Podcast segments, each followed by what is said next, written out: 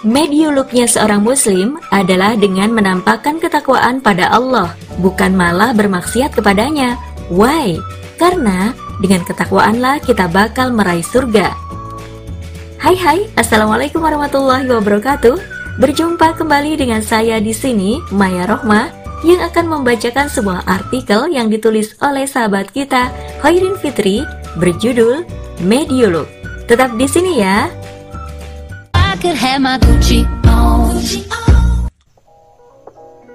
Sob, pernah dengar lagu Mediuluk? Rasanya lagu ini sangat familiar di telinga kita, apalagi jika kamu aktivis medsos, pasti amat mengenal lagu ini. Tak hanya lagunya yang enak dinikmati telinga, tetapi challenge yang digandrungi generasi muda saat ini juga menyita perhatian. Gimana enggak? Ada banyak selebgram atau pengguna Instagram yang mengaku menghabiskan berjam-jam demi menghasilkan video pergantian baju dan rupa hanya 30 detik. Hmm, kira-kira buang-buang waktu atau enggak ya? Bukan perkara membuang waktu atau enggaknya juga, perkara dana yang dihabiskan pun belum ada yang mau mengaku. Pasalnya, lagu ini menjadi lagu brand fashion kelas dunia.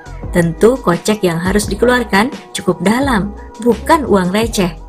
Memang sih, ada kepuasan tersendiri saat bisa membuat seluruh mata memandang pada kita. You look, membuatmu melihat, begitu istilahnya. Namun, sebagai seorang muslim ada beberapa titik yang kudu kita kritisi nih. Pertama, fashion. Islam tidak membiarkan umatnya liar. Dalam penggunaan pakaian pun, Islam mengaturnya. Nggak boleh ada sehelai pun aurat terbuka di hadapan orang-orang yang nggak berhak melihatnya. Padahal di challenge Medio Look ini, fashion yang digunakan tidak ada yang menutup aurat. Ya, harap maklum, pembuat fashionnya bukan orang Islam. Mereka tentu nggak paham ada kewajiban menutup aurat.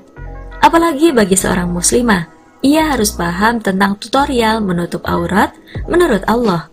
Para muslimah kudu paham surat Al-Azab ayat 59 yang membahas jilbab dan An-Nur ayat 31 yang membahas kerudung. Fashion inilah yang membuat seorang muslimah diridhoi Allah, bukan fashion ala barat yang tampak membuka aurat.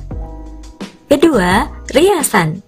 Tampil cantik dan menarik memang bagian yang tak terpisahkan dari seorang wanita. Makanya, tak heran jika challenge Mediuluk ini banyak digemari oleh mereka. Memoles wajah dengan riasan jadi kebiasaan. Padahal, ada aturan yang kudu dipahami tentang riasan ini dalam Islam. Mempercantik diri dengan berlebihan disebut dengan tabaruj. Allah telah melarang seorang muslimah melakukan tabaruj dalam firman-Nya, yang artinya, Dan janganlah kamu berhias dan bertingkah laku seperti orang-orang jahiliyah dahulu, dan laksanakanlah solat, tunaikanlah zakat, dan taatilah Allah dan Rasul-Nya.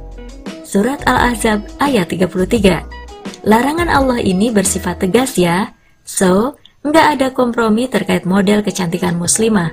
Jika ia memakai riasan, tidak diperkenankan oleh Allah dipertontonkan di hadapan publik, termasuk medsos. Ketiga, waktu. Nyatanya, challenge ini menghabiskan waktu yang cukup panjang hanya untuk video 30 detik. Benar-benar tidak sinkron ya antara waktu yang dihabiskan dan hasil videonya. Iya enggak?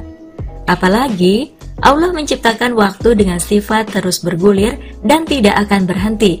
Maka, datangnya kesempatan pasti hanya sekali.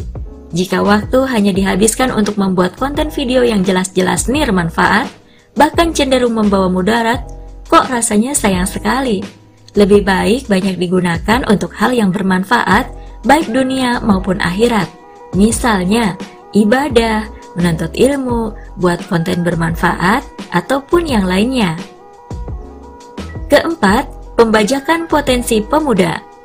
Challenge-challenge semacam ini pun digunakan untuk membajak potensi pemuda. Kita yang harusnya bisa berdaya dalam segala aspek kehidupan, eh malah disibukkan dengan berburu fashion terkenal, bikin konten video dengan durasi waktu yang tak sedikit, plus merogoh kocek yang cukup dalam demi membeli barang yang tidak menutup aurat. Emang nggak heran sih, ini bisa terjadi bukan ada dengan sendirinya. Ada keterlibatan sistem kapitalis di dalamnya, sistem yang mengagungkan uang dan uang. Maka, challenge ini pun sejatinya untuk mendongkrak ekonomi mereka. Tak heran loh jika kemudian banyak kaula muda yang terjerat pinjaman online ataupun offline yang ada ribanya. Jelas sekali, riba yang diharamkan Allah sekarang malah digandrungi. Astagfirullah. Mediolognya seorang muslim adalah dengan menampakkan ketakwaan pada Allah, bukan malah bermaksiat kepadanya. Why? Karena dengan ketakwaanlah kita bakal meraih surga.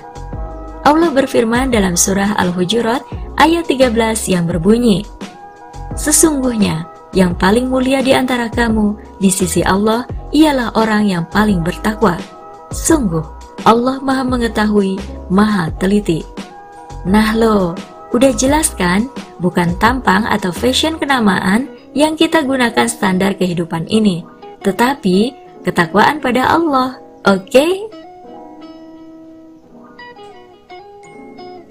Ya, sahabat, jika kamu ingin tulisanmu dibacakan, kirimkan saja tulisanmu ke www.narasipos.com. Assalamualaikum warahmatullahi wabarakatuh.